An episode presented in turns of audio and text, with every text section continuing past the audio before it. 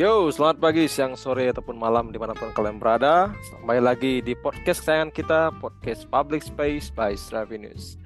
Nah, gimana nih kabar kawan-kawan semua para pendengar setia kita nih? Sekarang ini Indonesia uh, iklimnya agak kurang bisa ditentukan ya.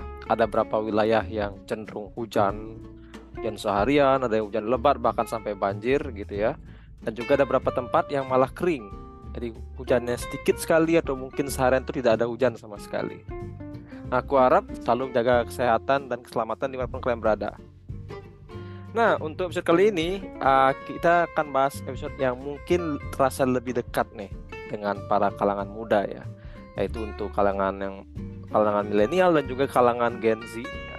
termasuk aku juga dari Gen Z juga ya, bagian dari Gen Z, di mana untuk episode kali ini kita akan membahas seputar isu-isu tentang rumah tapi bukan rumah secara fisik ya. Kita akan membahas terkait dengan hunian di Indonesia. Karena kita tahu nih, sekarang itu banyak perbincangan ya di antara kelompok-kelompok anak muda, bahkan juga generasi tua pun sudah mulai banyak membicarakan tentang ini. Bahwa ada stigma kita sebagai generasi muda itu, baik milenial maupun Gen Z, itu nggak bisa beli rumah di masa depan. Nah, apakah benar seperti itu? Nah, di podcast kali ini aku nggak sendirian nih. Aku juga ditemenin sama teman-teman dari Stravi News. Yaitu ada pada Mas Kifari dan juga Rizky Aji. Aku sapa dulu kalau gitu. Halo Prada dan Rizky. Halo. Halo. Nah, mantap nih. Gimana kabar kalian berdua? Sehat semua? Sehat, mantap. Aman. Alhamdulillah sehat. Oke, oke. Jakarta aman, Surabaya aman, nggak ada banjir? Uh, hujan doang, dingin sekarang. Oke. Okay. Ya, kalau Surabaya seperti baru-baru hujan juga, tapi nggak sampai banjir sih. Oke oke, nah, ya syukur kalian berdua sehat semua ya. Nah, episode ini kita agak sedikit ini ya, mungkin pembawaan lebih santai ya, karena kita membahas tentang isu yang lebih dekat dengan kita nih sebagai generasi muda nih. Nah, kalau dari yang kita cek di berita ya, itu kan sempat tuh uh, menteri kita Ibu Sri Mulyani Menteri Keuangan itu menyampaikan di tahun 2022 bahwa generasi milenial itu akan sulit untuk membeli rumah di masa depan gitu kan. Apalagi kalau menurut data ya kita ambil data misalnya di tahun 2022 itu sempat nilai backlog itu mencapai 12,75 juta pada nggak tahu backlog itu apa. Backlog ini uh, secara sederhana adalah menampilkan jumlah kebutuhan rumah per jumlah penduduk gitu. Jadi perbandingan antara supply yang seharusnya untuk jumlah rumah dengan jumlah penduduk yang ada sekarang gitu. Jadi kalau semakin tinggi backlog artinya semakin tidak terpenuhi nilai kebutuhan untuk perumahan ini dari segi supply gitu ya. Nah tapi sekarang itu ada banyak anggapan sih. Kayak anggapan di mana anak-anak muda itu dianggap wajar ya tidak bisa memiliki rumah gitu. Kalau menurut kalian daripada sama Rizky gimana nih? Kita kan sebagai anak muda juga nih. Nah, uh, mungkin aku dulu nih. Ini ini sebenarnya data yang bukan data sih. Uh, kondisi yang cukup uh, bisa dibilang mengkhawatirkan buat anak-anak muda karena milenial pun milenial itu kan generasi di atas kita ya yang secara finansial pun pasti mereka kebanyakan itu lebih stabil daripada kita udah lebih mapan uh, udah punya penghasilan yang lebih pokoknya lebih besar lah daripada kita yang mungkin baru 1 sampai dua tahun kerja. Tapi mereka untuk dapat rumah pun susah gitu dan masalahnya pemerintah mungkin dalam konteks ini Bu Sri Mulyani yang menyampaikan kalau Uh, karena kebanyakan kita nih apa yang anak muda anak-anak muda ini kebanyakan healing. Padahal itu kan itu kan bukan akar masalahnya gitu. Kayak dibilang suka ngikutin tren kekinian dan lain-lain. Nah kalau apakah dengan kita nggak ngikutin tren kekinian itu kita akan jadi bisa beli rumah? Kayaknya nggak juga menurutku.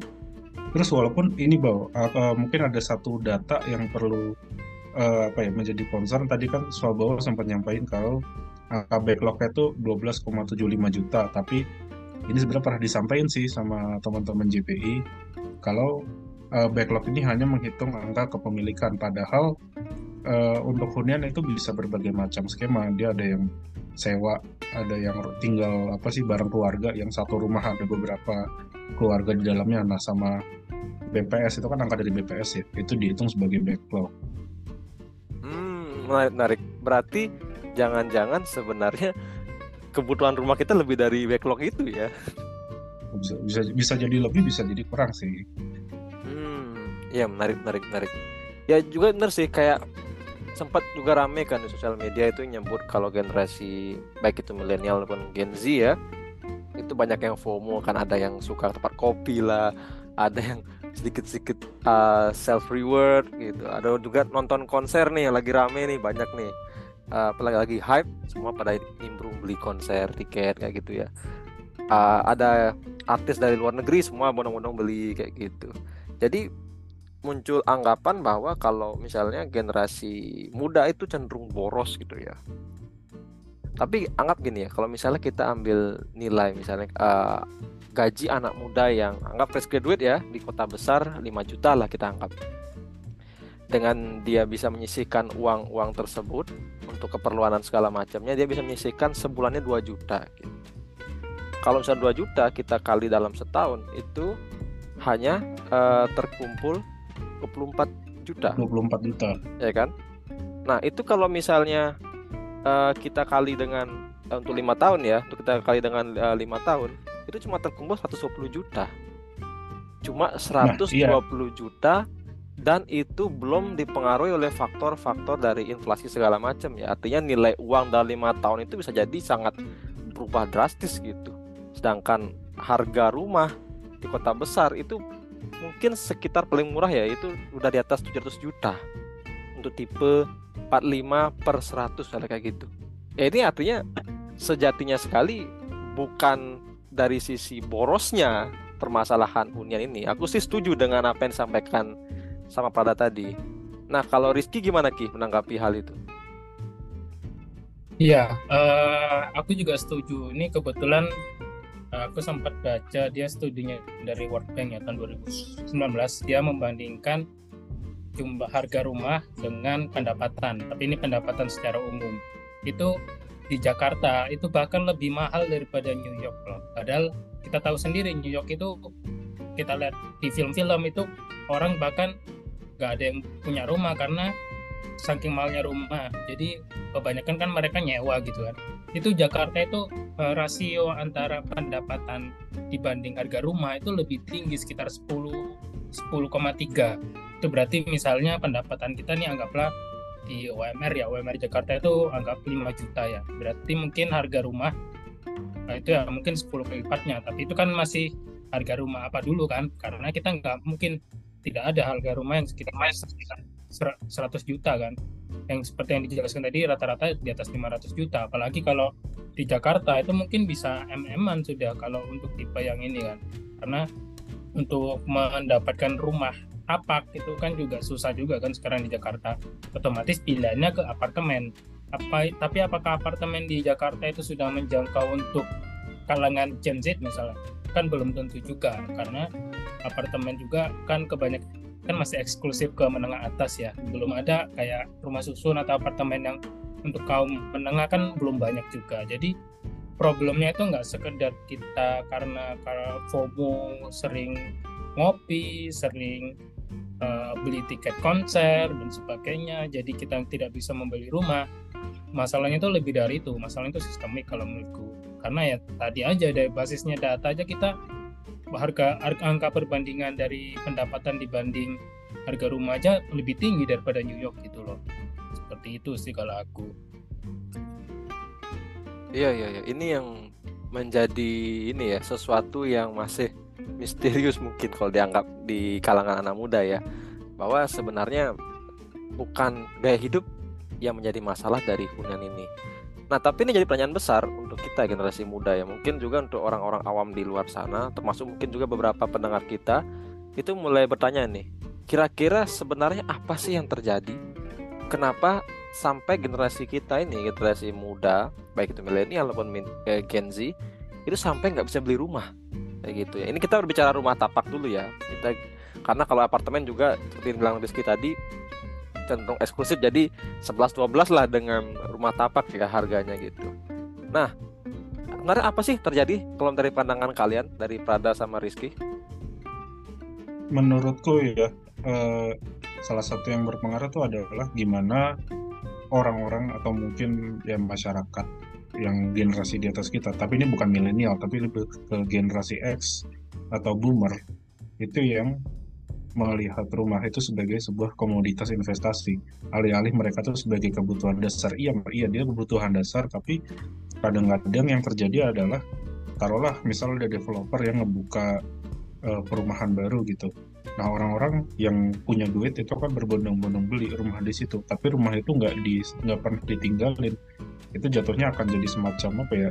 Uh, ya rumahnya akan jadi bukan mangkrak sih kayak kosong gitu aja dan nggak ada yang tinggal di rumah itu. Padahal di sana banyak yang butuh rumah, tapi ketika ada supply itu malah dibeli sama orang-orang yang kasarnya udah nggak butuh rumah gitu. Nah otomatis karena karena itu terjadi harga-harga akan semakin naik dan uh, ini juga yang uh, salah satu yang berpengaruh yang mempengaruhi karena soal kebutuhan dasar rumah ini itu nggak ada uh, instrumen yang mengatur mengenai taruh kalau mobil itu kan ada namanya pajak progresif ya ketika kita punya mobil satu dan mobil kedua itu ada pajak progresif ya masalahnya aku nggak tahu mungkin koreksi aku kalau salah Rizky atau Sobawa tapi rumah tuh kayaknya nggak ada pajak progresif ya ketika kita punya properti lebih dari satu kalau nggak salah ya, kalau yang benar-benar kayak mengikat banget seperti pajak progresif, setauku sih belum belum ada ya, terus skema di di rumah ya. Kayak misalnya dia punya rumah lebih dari satu, kayak belum ada deh. Nah itu, nah, itu yang lumayan, kayaknya tuh cukup orang jadi kalau punya duit, ya dia bisa fleksibel buat beli rumah, rumah kedua, rumah ketiga. Tapi karena nggak ada itu juga, ya orang-orang yang butuh rumah ini jadi susah buat dapet.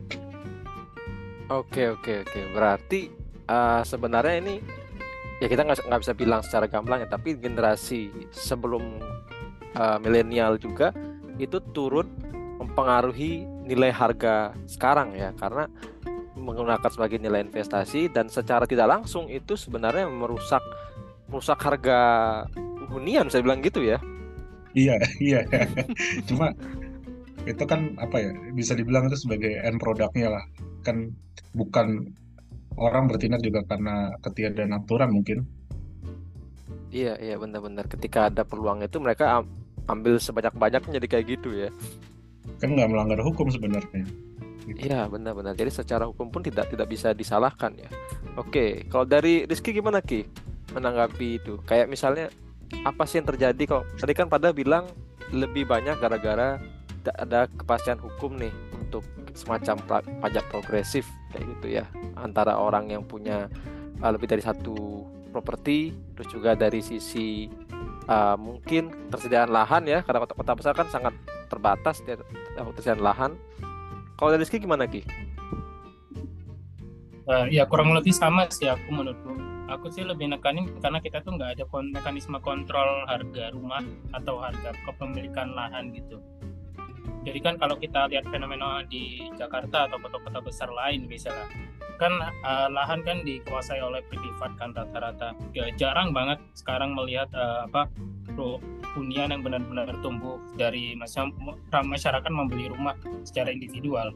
Itu juga menjadi faktor sih. Jadi otomatis kan kita mau nggak mau mengikuti harga dari yang ditentukan oleh developer. Dan selama ini kan juga nanti juga koreksi ya kalau salah. Itu setahu memang belum ada mekanisme kontrol harga tadi yang disebutin misalnya untuk rumah tipe ini maksimal berapa atau maksimal berapa persen dibanding pendapatan per kapita itu kan belum ada kan. Kalau kita lihat di luar negeri itu setahu banyak.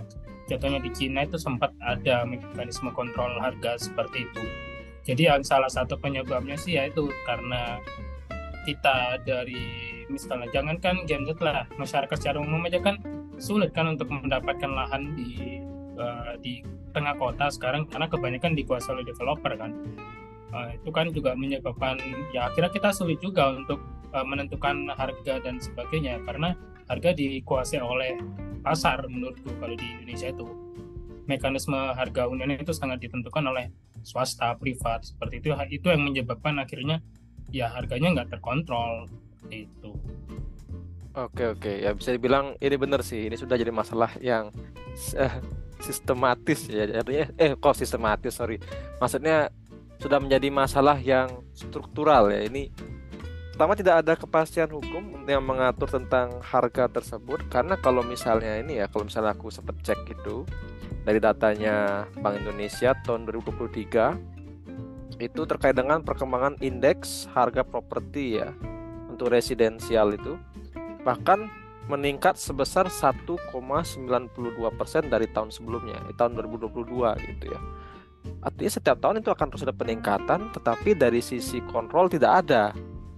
Orang bakal banyak yang membeli segala macam untuk investasi ya terutama untuk orang-orang yang berpenghasilan besar ya gitu ya.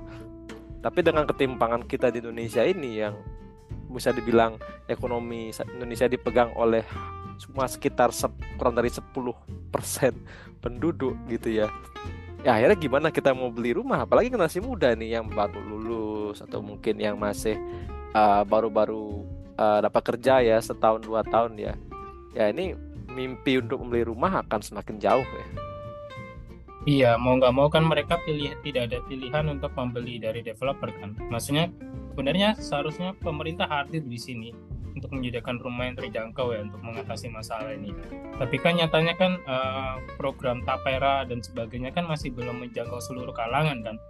Misalnya contohnya program-program untuk FLPP yang subsidi untuk kaum menengah ke bawah. Cuman kan yang jadi masalah kan kadang yang penyebab backlog tertinggi justru malah kaum menengah biasanya kan karena mereka itu tidak bisa menjangkau rumah subsidi tapi untuk menjangkau rumah biasa juga nggak bisa jadi ya terjepit posisi mereka. Dan seharusnya dalam hal ini pemerintah hadir untuk menyediakan program-program rumah yang lebih inklusif lah untuk semua nggak cuma menengah ke bawah. Misalnya ada program khusus untuk kaum menengah dan sebagainya. Jadinya uh, mereka terjamin. Tapi kan selama ini kan bukannya nggak ada ya. Tapi masih untuk suplainya kan masih belum memenuhi untuk jangankan satu Indonesia masih satu kota Jakarta aja uh, masih belum memenuhi seperti itu kan. Orang harus tinggal di luar kota untuk membeli rumah kan biasanya. Sekarang kan lagi tren tinggal-tinggal di daerah Serpong dan sebagainya kan karena tidak bisa membeli rumah di daerah tengah kota karena ya tadi itu uh, mereka ya tidak bisa me, eh, tidak memiliki pilihan untuk tidak membeli selain dari developer. Dan developer sendiri yang balik lagi ke tadi masalah lingkaran setan aja. Jadi developernya uh, seenaknya sendiri uh, untuk menentukan harga karena memang ada mekanisme kontrol dari pembelinya tidak ada pilihan karena pemerintah juga tidak bisa menyediakan sesuai uh, demand yang ada seperti itu. Terus ini satu lagi sih, aku pengen mungkin ini agak keluar dikit dari aspek hunian kadang-kadang juga si developernya ini tuh kayak semacam diandalkan sepenuhnya sama pemerintah untuk uh, menyediakan hunian jadi negara nggak hadir dan ketika developer-developer hadir itu dianggap sudah oh ini hunian-hunian bagus udah udah apa ya udah layak udah udah ada kok. Contoh mungkin yang kalau misalnya sebut-sebut ya mungkin kayak BSD dan Alam Sutra itu kan kayak kota kota Tangerang atau Tang, Tangerang atau Tangsel ya? Aku lupa. Itu kan setengahnya setengah dari kota itu kan dikuasai sama developer itu kan. Dan uh, itu pemerintahnya juga kayak apa semi lepas tangan terhadap itu dan dianggap itu sebagai oh ini sebuah ini udah ada hunian kok di sini padahal itu kan developer. Jadi pemerintah nganggap itu kayak semacam kayak tanggung jawab developer itu agak aneh sebenarnya. Iya setuju banget itu karena kayak seharusnya kan masalah rumah kan adalah hak asasi yang sebenarnya ya. Idealnya kan di, disediakan oleh pemerintah kan untuk semua. Tapi pada akhirnya kan di Indonesia kan tidak seperti itu praktiknya tadi kan seperti yang dijelaskan. Kayak ya karena developer sudah ada jadi uh, ini tidak mendeskripsikan pemerintah sepenuhnya ya. Karena program pemerintah untuk hunian juga ada kan maksudnya mereka ya, ada. pemerintah pemerintah itu tidak semata-mata akhirnya lepas tangan gitu kan. Cuman memang kesannya sekarang memang kayak diserahkan sepenuhnya ke swasta gitu loh. Akhirnya ya misalnya Gen Z nggak punya nggak punya pilihan lain selain membeli dari developer yang harganya juga kontrol seperti itu. Iya iya benar-benar sih. Ini sudah jadi masalah pelik juga ya dan kita emang butuh sosok uh, bukan sosok ya lebih ke tidak sekedar solusi yang seperti sekarang ya. Soalnya sekarang tuh solusi-solusi yang ditawarkan itu masih belum dapat menyelesaikan masalah yang kita hadapin gitu ya. Terbukti dengan susahnya generasi muda untuk membeli rumah gitu ya. Sekali lagi disclaimer dulu ini kita tidak mendiskreditkan pemerintah ataupun pihak mana pun ya gitu. Bahaya juga nanti nih kalau tiba-tiba di depan rumah saya ada sesuatu. ya. Tut, tut, wah bahaya itu. Ya. Soalnya gini kalau misalnya anggap kita lihat ada KPR ya. Kan ada berapa KPR dengan uh, eh, DP yang rendah gitu ya dengan DP yang rendah. Tapi itu tidak menyelesaikan masalah ternyata karena KPR itu juga punya beberapa syarat gitu ya. Berapa syarat misalnya harus punya uh, tabungan dulu minimal sekian gitu ya di aset bank. Atau mungkin uh, tidak punya banyak cicilan tanggungan mungkin kayak gitu ya. Karena kan setiap bank juga punya kebijakan masing-masing untuk KPR itu ya. Dan banyak anak muda itu yang tidak bisa mengambil KPR karena nggak memenuhi syarat-syarat tersebut. Nah ini kan jadi bumerang lagi kan gitu ya. Dan juga selain itu uh, eh, KPR ini juga kan kesannya kayak ngasih keringanan di awal doang di awal ngasih oke DP-nya kecil nih angsuran juga kecil gitu kan. Tapi pada akhirnya uh, lama mengangsur itu terlalu panjang gitu ya. Bahkan bisa lebih dari 10 tahun atau mungkin uh, belasan tahun itu ya untuk rumah itu lunas gitu ya. Ini kan juga menjadi masalah itu ke depannya. Tapi uh, ini mungkin kita jadi agak semi berdebat nih, karena aku justru memandang kalau dia tuh tenornya panjang, lebih dari 10 tahun yang disebut sama Sobawa, itu bukan sebagai masalah, justru itu sebagai apa ya, kayak uh, meringankan. Jadi mungkin ini solusi dia solusi di awal tadi kan Sobawa bilang nggak boleh bukan ya nggak boleh ada utang harus punya uh, tabungan pendapatan sekian mungkin itu yang salah satu yang perlu diper apa ya, diperingan, dibuat lebih fleksibel sama bank-bank dan pemerintah perlu mendorong itu. Termasuk untuk jangka waktu pembayaran apa jangka waktu cicilan KPR-nya di luar DP setelah bayar DP.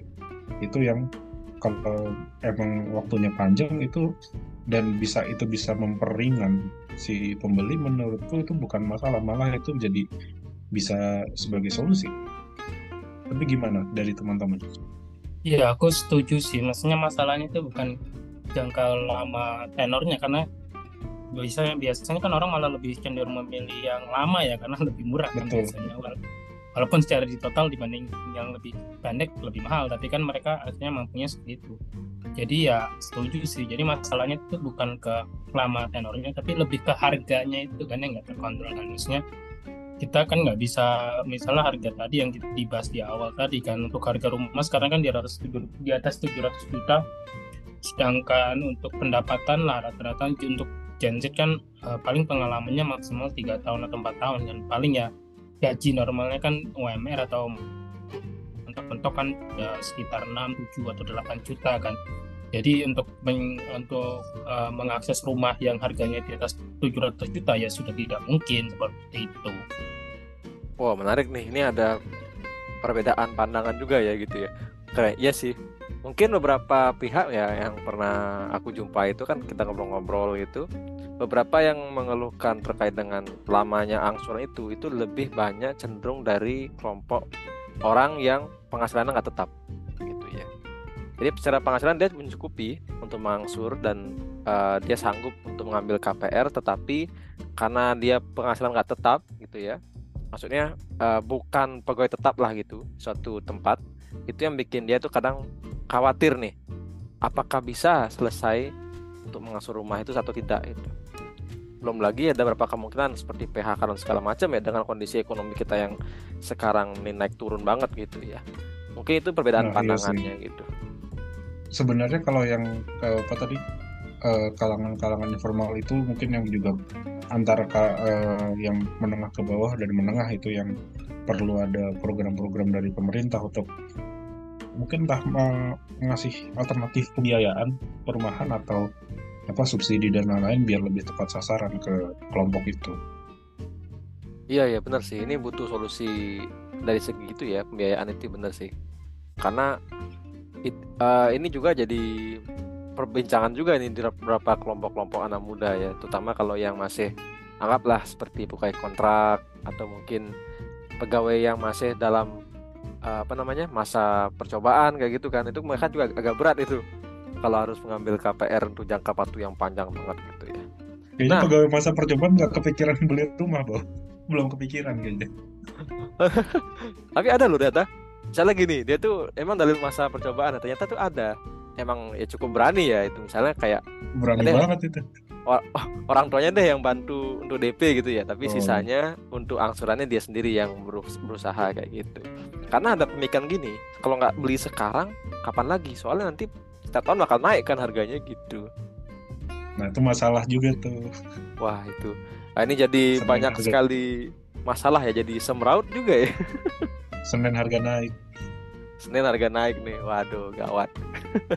Nah akhirnya kan dengan ketidakberdayaan ini banyak anak muda itu yang memilih untuk ngontrak ya. Dari nyewa rumah untuk mungkin setahun atau berapa tahun ya. Tapi eh, sepertinya menyewa ini juga masih riskan ya belum bisa dikatakan aman di Indonesia itu kalau nggak salah kita kan Safira juga pernah bikin konten ya waktu itu kalau nggak salah yang nulis tuh Rizky ya bener Ki ya Ya benar benar. Nah, bisa nggak Ki ceritakan Ki? Ini mungkin tuh informasi juga ke teman-teman para pendengar kita. Emang apa sih keresahan yang kita hadapi terkait dengan hunian sewa ini? Apakah sudah aman untuk kita menyewa rumah di Indonesia? Eh, kalau aman atau tidak kan relatif ya. Maksudnya kita tidak bisa menjudge langsung aman karena sebagian orang yang nyewa juga aman, dan tapi kan sebagian sebagian besar juga tidak aman. Cuman masalahnya lebih dari itu karena di Indonesia itu eh, regulasi terkait perlindungan hunian sewa itu belum ada di UU nomor 1 2011 yang UU terkait permukiman itu sebenarnya disebutkan bakal akan eh, ada aturan turunan terkait perlindungan hak sewa ini pelindungannya itu sebenarnya adalah kan antara penyewa landlord sama pemilik sewa kan sebenarnya ada hak-hak khusus yang diatur kan. Misalnya contoh contohnya itu eh, pemilik sewa ini tidak boleh semena-mena meningkatkan harga sewa tanpa persetujuan dan sebagainya. Atau misalnya di penyewa ini tidak boleh eh, misalnya ketika dia tidak bayar dalam waktu tertentu ya tidak boleh semena-mena juga seperti itu kan.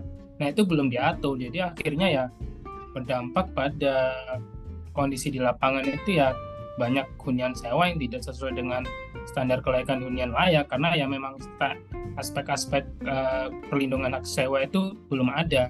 Kalau contohnya di beberapa negara yang kita itu di Inggris atau di India itu ada khusus malah regulasi untuk eh, hak eh, penyewa ini, penyewa dan pemilik sewa. Jadi mereka punya hak yang sama. Itu bahkan mereka ada undang-undang khusus dan di Indonesia itu belum ada seperti itu. Jatuhnya ya pada akhirnya contohnya aspek yang diatur ya ini terkait kualitas hunian sewa. Misalnya itu harus memenuhi standar hunian eh, kelayakan hunian dengan XXXX dan akhirnya karena ada regulasi ini mau nggak mau kan pemilik sewa harus menyediakan hunian yang sesuai standar kelayakan hunian. Yang misalnya ada ventilasinya ukurannya sekian dan sebagainya yang di Indonesia tuh belum ada. Ya akhirnya ya kita sering menemukan contohnya yang pernah viral di Twitter itu kan yang hunian satu juta kos-kosan satu juta di Jakarta itu kecil ukurannya kan itu bahkan nggak cocok eh, nggak manusiawi sekali untuk ukurannya kan dibanding misalnya di Jawa Tengah yang mungkin satu juta sudah dapat AC dan sebagainya. Nah itu kan masalah-masalah ini kan disebabkan ya karena tidak ada tadi itu balik lagi eh, diatur secara jelas terkait pelindungan antara penyewa dan juga pemilik sewa seperti itu sih Tapi kalau gitu kan karena sewa ini mungkin bisa dipandang sebagai solusi apa ya, salah satu solusi karena mengingat harga yang udah terlampau tinggi itu kayak semacam ya alternatif itulah alternatif untuk kepemilikan hunian. Ya berarti salah satu yang bisa dilakukan bisa di enforce oleh pemerintah ya berarti men- menyusun regulasi yang berkaitan tentang, standar untuk rumah sewa. Apa aja kewajiban bagi apa pemilik bagi landlords apa aja kewajiban dan hak bagi si penyewa. Mungkin itu juga yang bisa didorong ya selain dari masalah eh, plafon harga tadi. Ya benar sekali itu wajib malah menurutku itu diatur karena itu jadi sebenarnya itu hak dasar yang harus dimiliki oleh masyarakat kan hunian kan dan tidak semua orang kita tahu itu konsep eh, dasar lah. Bahwa tidak semua orang bisa membeli hunian. Ketika mereka untuk menyewa tanpa ada kepastian terkait tadi itu perlindungannya ya akhirnya terjadilah masalah-masalah di lapangan. Contohnya kayak kemarin ya itu kan yang sempat pas covid itu kan sempat diusir kan. Ada ada sempat viral juga kan penyewa yang diusir karena covid kan. Nah itu kan sebenarnya Hmm. hal-hal seperti itu kan eh, tidak akan terjadi kalau ada regulasinya dan itu harus dikontrol ketat seperti itu. Karena uh, balik lagi tadi hunian adalah hak dasar maka semua kebutuhan berhuni baik itu sewa maupun uh, kepemilikan hunian secara penuh itu harus diatur seperti itu sih. Iya ya sih, aku sih setuju sih bener. Ini harus diatur juga sih. Kalau ingat-ingat lagi sama yang viral itu ya, yang kos-kosan dibilang tadi satu juta tapi kondisinya kayak gitu, kok bisa ya ada yang kayak gitu ya? Dan ada yang mau itu ngekos ya? Udah gak, gak habis pikir sih. Mau mau nggak mau itu kayaknya. Kayak nggak punya pilihan lain karena yang lebih bagus lagi tuh harganya pasti udah di atas itu. Ngeri juga ya. Itu bisa iya. dibilang kosan kos apa kos kosan the rate. Ya iya. Astaga itu ya. Dan tapi kenapa sampai bisa ini? Karena yang benar kembali lagi sih. Belum ada regulasi yang ketat untuk mengatur itu ya standar hunian layak ya ya walaupun sewa ya bukan hunian yang apa uh, kepemilikan hak milik tetap aja itu butuh standarisasi ya. Jangan sampai yang malah misalnya nggak ada ventilasi lah nggak ada sanitasi lah. Ya itu dampaknya nanti lebih ke apa ya lebih ke tingkat kesehatan kita akan menurun gitu loh. Kesehatan menurun dari segi kekumuhan juga meningkat gitu kan dan jika hal-hal ini semakin banyak terjadi ya susah kita kontrol gitu ya. Semakin lama kita tunda untuk pengaturan ini diberlakukan semakin permasalahan lagi nih isu-isu hunian di luar harga tadi ya. Harga hunian yang sudah terlalu terlampau jauh gitu ya. Nah menarik nih yang sudah kita bahas tadi ya terkait dengan uh, isu hunian dari perilaku generasi muda yang dinilai terlalu boros FOMO dan segala macam. Jadi kita nggak bisa beli rumah ternyata itu sebenarnya lebih ke mispersepsi. Dan juga kita melihat dari segi harga hunian yang terlalu terlampau jauh ya. Setiap tahun mengalami kenaikan sedangkan pendapatan per kapita kita ya segitu-segitu aja ya. Memang sih meningkat tapi tidak bisa mengejar angka hunian itu. Dan itu juga dari sisi hunian sewa ini belum punya perlindungan kepastian hukum ya terkait dengan uh, standarisasi hunian layak seperti itu ya. Sama dari segi keamanan juga belum ada regulasi yang pas gitu yang kita bahas tadi sepertinya nih kalau aku tarik garis garis ini ya garis kesimpulan bahwa satu-satunya aktor yang bisa mengatasi permasalahan ini untuk yang tingkat pertama ini ya pemerintah sebenarnya. Nah, tetapi kira-kira solusi apa nih yang bisa kita uh, apa ya gagaskan ya mungkin ya sebagai masukan gitu ya? Karena uh, pemerintah sendiri kan sebagai aktor pertama yang harus memberikan kepastian secara hukum dan juga dari segi political will lah kita bilang gitu ya. Kalau dari pandangan uh, Rizky dan juga Prada, kira-kira solusi apa nih yang pas untuk permasalahan hunian ini ya? Oke, tadi kan kita udah beberapa kali nyebut soal peraturan dan lain-lain gitu ya. Jadi solusi dari pemerintah ya harus dalam solusi yang lebih makro, yang sifatnya lebih politis, yang lebih apa ya mengikat de, dalam bentuk framework gitulah. Jadi bukan solusinya bukan uh, pemerintah harus bangun berapa juta hunian di mana itu kan itu solusi-solusi yang lebih teknis yang harusnya itu adalah kayak hilirnya dari uh, era sebagai end product dari uh, solusi pertama. Jadi yang pertama harus disusun itu adalah mengenai uh, kebijakan, mengenai undang-undang. Misal tadi ada beberapa undang-undang yang perlu diatur, misal mengenai apa namanya taruhlah yang tadi soal ide soal pajak progresif bagi orang yang punya rumah lebih dari satu soalnya orang punya kendaraan aja dikasih pajak progresif masa rumah enggak kan kendaraan tuh bukan ini bukan kebutuhan primer tapi rumah tuh kebutuhan primer yang primer malah nggak dapat pajak progresif terus uh, misal soal uh, namanya batas harga hunian plafon harga tadi yang kayak disebut sama Rizky terus kemudian mengenai standar untuk hunian sewa uh, bagi pemilik dan bagi uh, bagi pemilik hunian dan bagi penyewa itu juga perlu diatur. Iya, aku setuju sih dengan Rada tadi. Kita sudah ya tek, tataran teknis tetap diperlukan kan karena itu sangat mempengaruhi terkait bagaimana penyediaan hunian. Cuman yang perlu ditekankan tadi memang aspek politik. Karena memang untuk menyusun regulasi kan otomatis sangat politis sekali kan antara eksekutif dan legislatif kan untuk menggolkan misalnya yang kita bahas tadi UU terkait perlindungan uh, hak sewa itu kan uh, harus melalui mekanisme politis kan ya. Otomatis mau nggak mau dari political will dari pemerintah dan juga legislatifnya juga harus kuat juga. Jadi yang ini yang bisa kita dorong sih untuk misalnya kan ini dalam uh, momentum pilpres dan pemilu legislatif ya. Jadi ini juga yang isu-isu seperti ini yang kita bisa dorong tuntutan-tuntutan untuk menyediakan hunian termasuk tadi regulasi yang kita bahas ini kita bisa dorong sih untuk agar ini menjadi bahasan tidak hanya sekedar ya cuman uh, cuman sekedar penyediaan hunian dan sebagainya solusi solusi populis tapi tidak menyentuh secara komprehensif seperti itu sih walaupun ya kalau kita lihat dari UU yang biasanya di dasar ya misalnya UU terkait Pemda itu nomor 23 tahun 2014 itu kan hunian sebenarnya masuk sektor wajib pelayanan dasar ya. Jadi ya itu sebenarnya ada anggaran alokasi dana khusus untuk misalnya penyediaan hunian atau uh, dan sebagainya. Tapi kan selama ini kan walaupun sudah ada regulasi-regulasi seperti itu kan belum uh, menyelesaikan masalah secara utuh kan ya tadi karena memang selama ini uh, pembahasannya masih di tataran teknis seperti itu sih.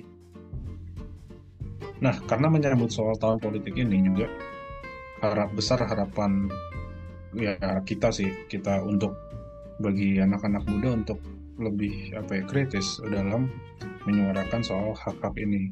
Jadi uh, kita perlu kritis sih. Misal mengenai visi misi dari paslon capres ini, kalau kita ngelihat sebenarnya dari tiga paslon dari uh, paslon satu Amin, paslon dua uh, Prabowo Gibran, paslon tiga Ganjar Mahfud itu sebenarnya tiga-tiganya sudah mention mengenai soal hunian ini. Cuma penyelesaiannya adalah, adalah bagaimana uh, sebenarnya apa ya? Dan yang misi soal hunian itu apakah itu misi yang apa ya? feasible atau kayak cuma sekedar oh menyediakan hunian berapa juta hunian itu oke okay, udah selesai titik kan sebenarnya itu bukan kayak bukan akar masalah ya tapi masalahnya itu lebih dari itu lebih jauh lebih kompleks daripada itu. Terus kita juga perlu yang apa kita juga perlu melihat seberapa besar concern soal hunian itu taruhlah dari masing-masing parpol dari masing-masing partai politik itu. Cuma itu kan agak terlalu berat ya itu untuk pemilu legislatif dan itu bisa beda-beda tiap dapil itu nantinya. Nah mungkin untuk yang bisa lebih apa ya kita bisa melihat bagaimana concernnya kita ya nonton mungkin nonton debat capres gitu. Kita bisa tahu seberapa concern mereka cuma itu kan tergantung dari moderator. Iya iya iya setuju setuju. Nah ini buat teman-teman semua nanti pendengar setia ini uh, kalian bisa juga baca ini ya konten kita ya terkait dengan yang tadi kita bicarakan itu ya. Karena kita juga beberapa hari lalu sempat uh, bikin konten nih dengan judul menyambut tahun politik melihat bagaimana isu hunian dilirik ini yang nulis Prada nih. Yang nulis Prada nah, nih. tapi tapi nggak berhenti sampai situ apa uh, apa ya kasarnya yang pengen kita suarakan tuh nggak cuma soal hunian itu. Nanti ditunggu aja ya nanti di tanggal berapa kita akan juga membuat sebuah event kurang lebih mengenai pemaparan. Tapi ini lebih dari soal hunian itu lebih soal terhadap kota gitu tapi hunian kan sebagai salah satu aspek di kota itu juga yang akan dibahas nantinya Iya betul sekali. Nah buat teman-teman semua itu ya. Jadi ini sedikit spoiler tipis-tipis lah ya dari kita ya dari dari Public Space by Stravinus. Jadi Stravinus ini dalam waktu dekat akan mengadakan sebuah event Nah, event apa itu? Event ini akan membahas dan membedah lebih dalam nih mengenai dari visi misi masing-masing paslon capres cawapres yang akan dilaksanakan kalau besar kemungkinan di Desember ini ya. Tapi untuk tanggal pastinya pantengin terus postingan kita di Instagram, cek juga di LinkedIn kita, jangan sampai ketinggalan karena ini merupakan salah satu uh, tindakan nyata kita ya untuk memberikan ruang bagi baik itu generasi muda ataupun juga masyarakat umum untuk bisa lebih mengkritisi terkait dengan uh, apa saja sih rencana kerja visi misi masing-masing paslon gitu ya. Aku setuju sih dari yang ya, dibilang sama Prada dan juga yang dibilang sama Rizky karena kita sebagai generasi muda itu harus kritis. Ya nggak boleh uh, ngikut arus atau mungkin uh, mudah tergiring opini. Ya. jangan sampai seperti itu ya, ya termakan-makan oleh gimmick-gimmick sosmed. Wah lah sudahlah. Kayak yang generasi muda harus lebih kritis dalam memandang isu-isu jangan terpengaruh sama hal-hal yang nggak substansial.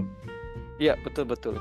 Karena di era sekarang yang banyak informasi ya seperti media sosial baik itu Instagram, baik itu Twitter, TikTok segala macam terlalu banyak terlalu banyak informasi itu ya. Bahkan kadang ada beberapa informasi yang memang disetting untuk menggiring kita memilih sesuatu gitu loh. Jangan sampai kita termakan oleh gimmick-gimmick yang seperti itu gitu ya. Jangan sampai juga dengan adanya isu politik ini kita sebagai generasi muda malah terkena adu domba juga ya. Jangan sampai seperti itu. Dan besar harapan kita juga dari kalian teman-teman semua pendengar setia kita bisa join loh di acara tersebut turut meramaikan karena ini merupakan hal krusial bagi kita generasi muda ya. Dan di acara itu kita nggak hanya bakal bahas hunian seperti yang dibilang sama Prada kita akan bahas banyak hal umum seperti misalnya terkait dengan transportasi dan juga perkembangan kota dan lain-lain. Jadi kalau yang penasaran pantengin terus Instagram kita dan juga sosial media kita yang lainnya. Oke, iya aku setuju tadi yang dibahas oleh Prada dan juga Swabawa ya. Apalagi kan saat ini tuh pemilih Gen Z dan juga milenial kan terbesar ya 55% dari total pemilih. Jadi eh, dan kebanyakan memang pemilih pemula kan yang sebelumnya belum pernah memilih seperti itu. Jadi penting bagi kita ke Gen Z dan juga mungkin milenial untuk uh, lebih peduli akan situasi politik termasuk isu perkotaan ya. Karena kan uh, untuk program-program yang ditawarkan oleh paslon atau legislatif kan tergantung demand masyarakat kan ketika demand masyarakat itu tahunya terkait gimmick-gimmick atau misalnya hal-hal yang tidak substansial ya akhirnya uh, capres cawapres atau nanti legislatif ya akan mengkampanyekan hal seperti itu sesuai demand yang dibutuhkan. Ya maka oleh karena itu aku rasa memang penting sekali sih uh, agar uh, kaum muda ini lebih peduli akan situasi uh, isu perkotaan ini dalam konteks tataran politik seperti itu. Iya iya benar. Setuju sih karena generasi muda baik itu milenial pun Gen Z ya ini berapa tahun ke depan lagi kita lah sebagai generasi yang akan memegang semua perkembangan Indonesia ya. Yang nggak untuk kemungkinan bahwa generasi kita yang akan duduk di uh, kursi-kursi pemerintahan itu nanti gitu ya. Apalagi dalam menyambut anggap jangka panjang ya Indonesia emas 2045 gitu ya. Kayak terlalu banyak yang bahas Indonesia emas ya tapi ini juga nggak bisa dipungkiri gitu. Jadi kita sebagai generasi muda harus mulai menyiapkan langkah apa yang bisa kita tempuh untuk mencapai sebuah tujuan yang baik di tahun itu ya. Ya dengan cara ini yang pertama kita harus kritis dulu nih mulai dari hari ini mungkin ya dari, dari para pendengar setia semua. Mulai hari ini nih mulai memupuk uh, jiwa-jiwa kritis dalam menanggapi uh, visi misi maupun program-program yang akan ditawarkan oleh para paslon ya kalau nggak salah debat terdekat tuh 12 Desember ya itu ya. Nah untuk teman-teman bisa nanti tuh pantengin acara debat capres cawapres ya. Jangan jangan di skip gitu ya. Jangan nanti malah uh, jalan-jalan nongkrong segala macam tapi lupa untuk nonton gitu ya. Karena ini juga penting sebagai pembuka ya. Walaupun katanya dibilang ada perubahan formasi untuk debat capres cawapres ya. Tapi susah mungkin kita sebagai generasi muda harus uh, melek informasi harus bisa uh, menilai sendiri gitu ya. Tanpa ada intervensi orang lain karena namanya pemilu itu berjudil ya. Tidak boleh ada intervensi tapi kita juga harus tetap kritis dalam menanggapi sesuatu. Jangan termakan gimmick jangan termakan oleh souvenir segala macam jangan termakan oleh framing dari media gitu ya.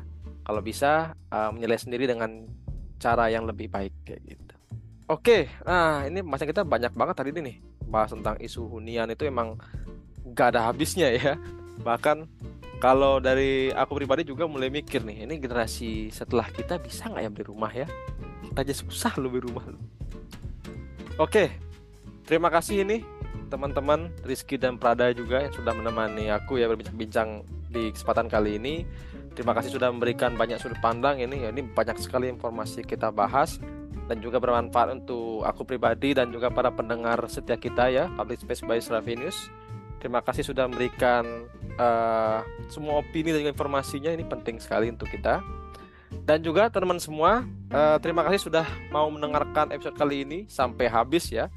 Dan lupa untuk di komen dan juga di share ke teman-teman yang lain gitu ya, karena info ini juga sangat penting bahwa generasi muda ini harus melek terhadap isu hunian gitu ya. Jangan masa bodoh, jangan acuh tak acuh, jangan seperti itu karena kita juga butuh aktor aktor-aktor baru ke depannya generasi muda harus mulai bergerak saat ini Jangan lupa juga follow Instagram kita di @ravinus, pantengin terus. Kita ada beberapa konten rutin yang akan kita uh, upload terus setiap minggunya. Kemudian juga jangan lupa uh, follow untuk LinkedIn kita di @ravinus. Kita juga men-share banyak informasi yang bagus di sana. Nah, juga kita punya konten premium nih dengan harga cuma Rp5.000. Kalian bisa akses di traktir dan bisa baca sepuasnya selama sebulan. Dan juga nih, nanti ke depannya kita ada berapa event ya. Ada event yang sangat dekat nih, yaitu adalah event yang akan kita bahas mengenai visi misi dari para capres-cawapres. Pantengin terus Instagram kita, jangan sampai kelewatan karena event ini akan sangat menarik, sangat penting untuk kita dan juga kita harus mulai melek terkait dengan isu-isu tentang uh, politik ya seperti itu ya. Baik, segitu aja untuk episode kali ini. Aku Made Sobawa bersama Rizky dan juga Prada pamit undur diri. Ciao.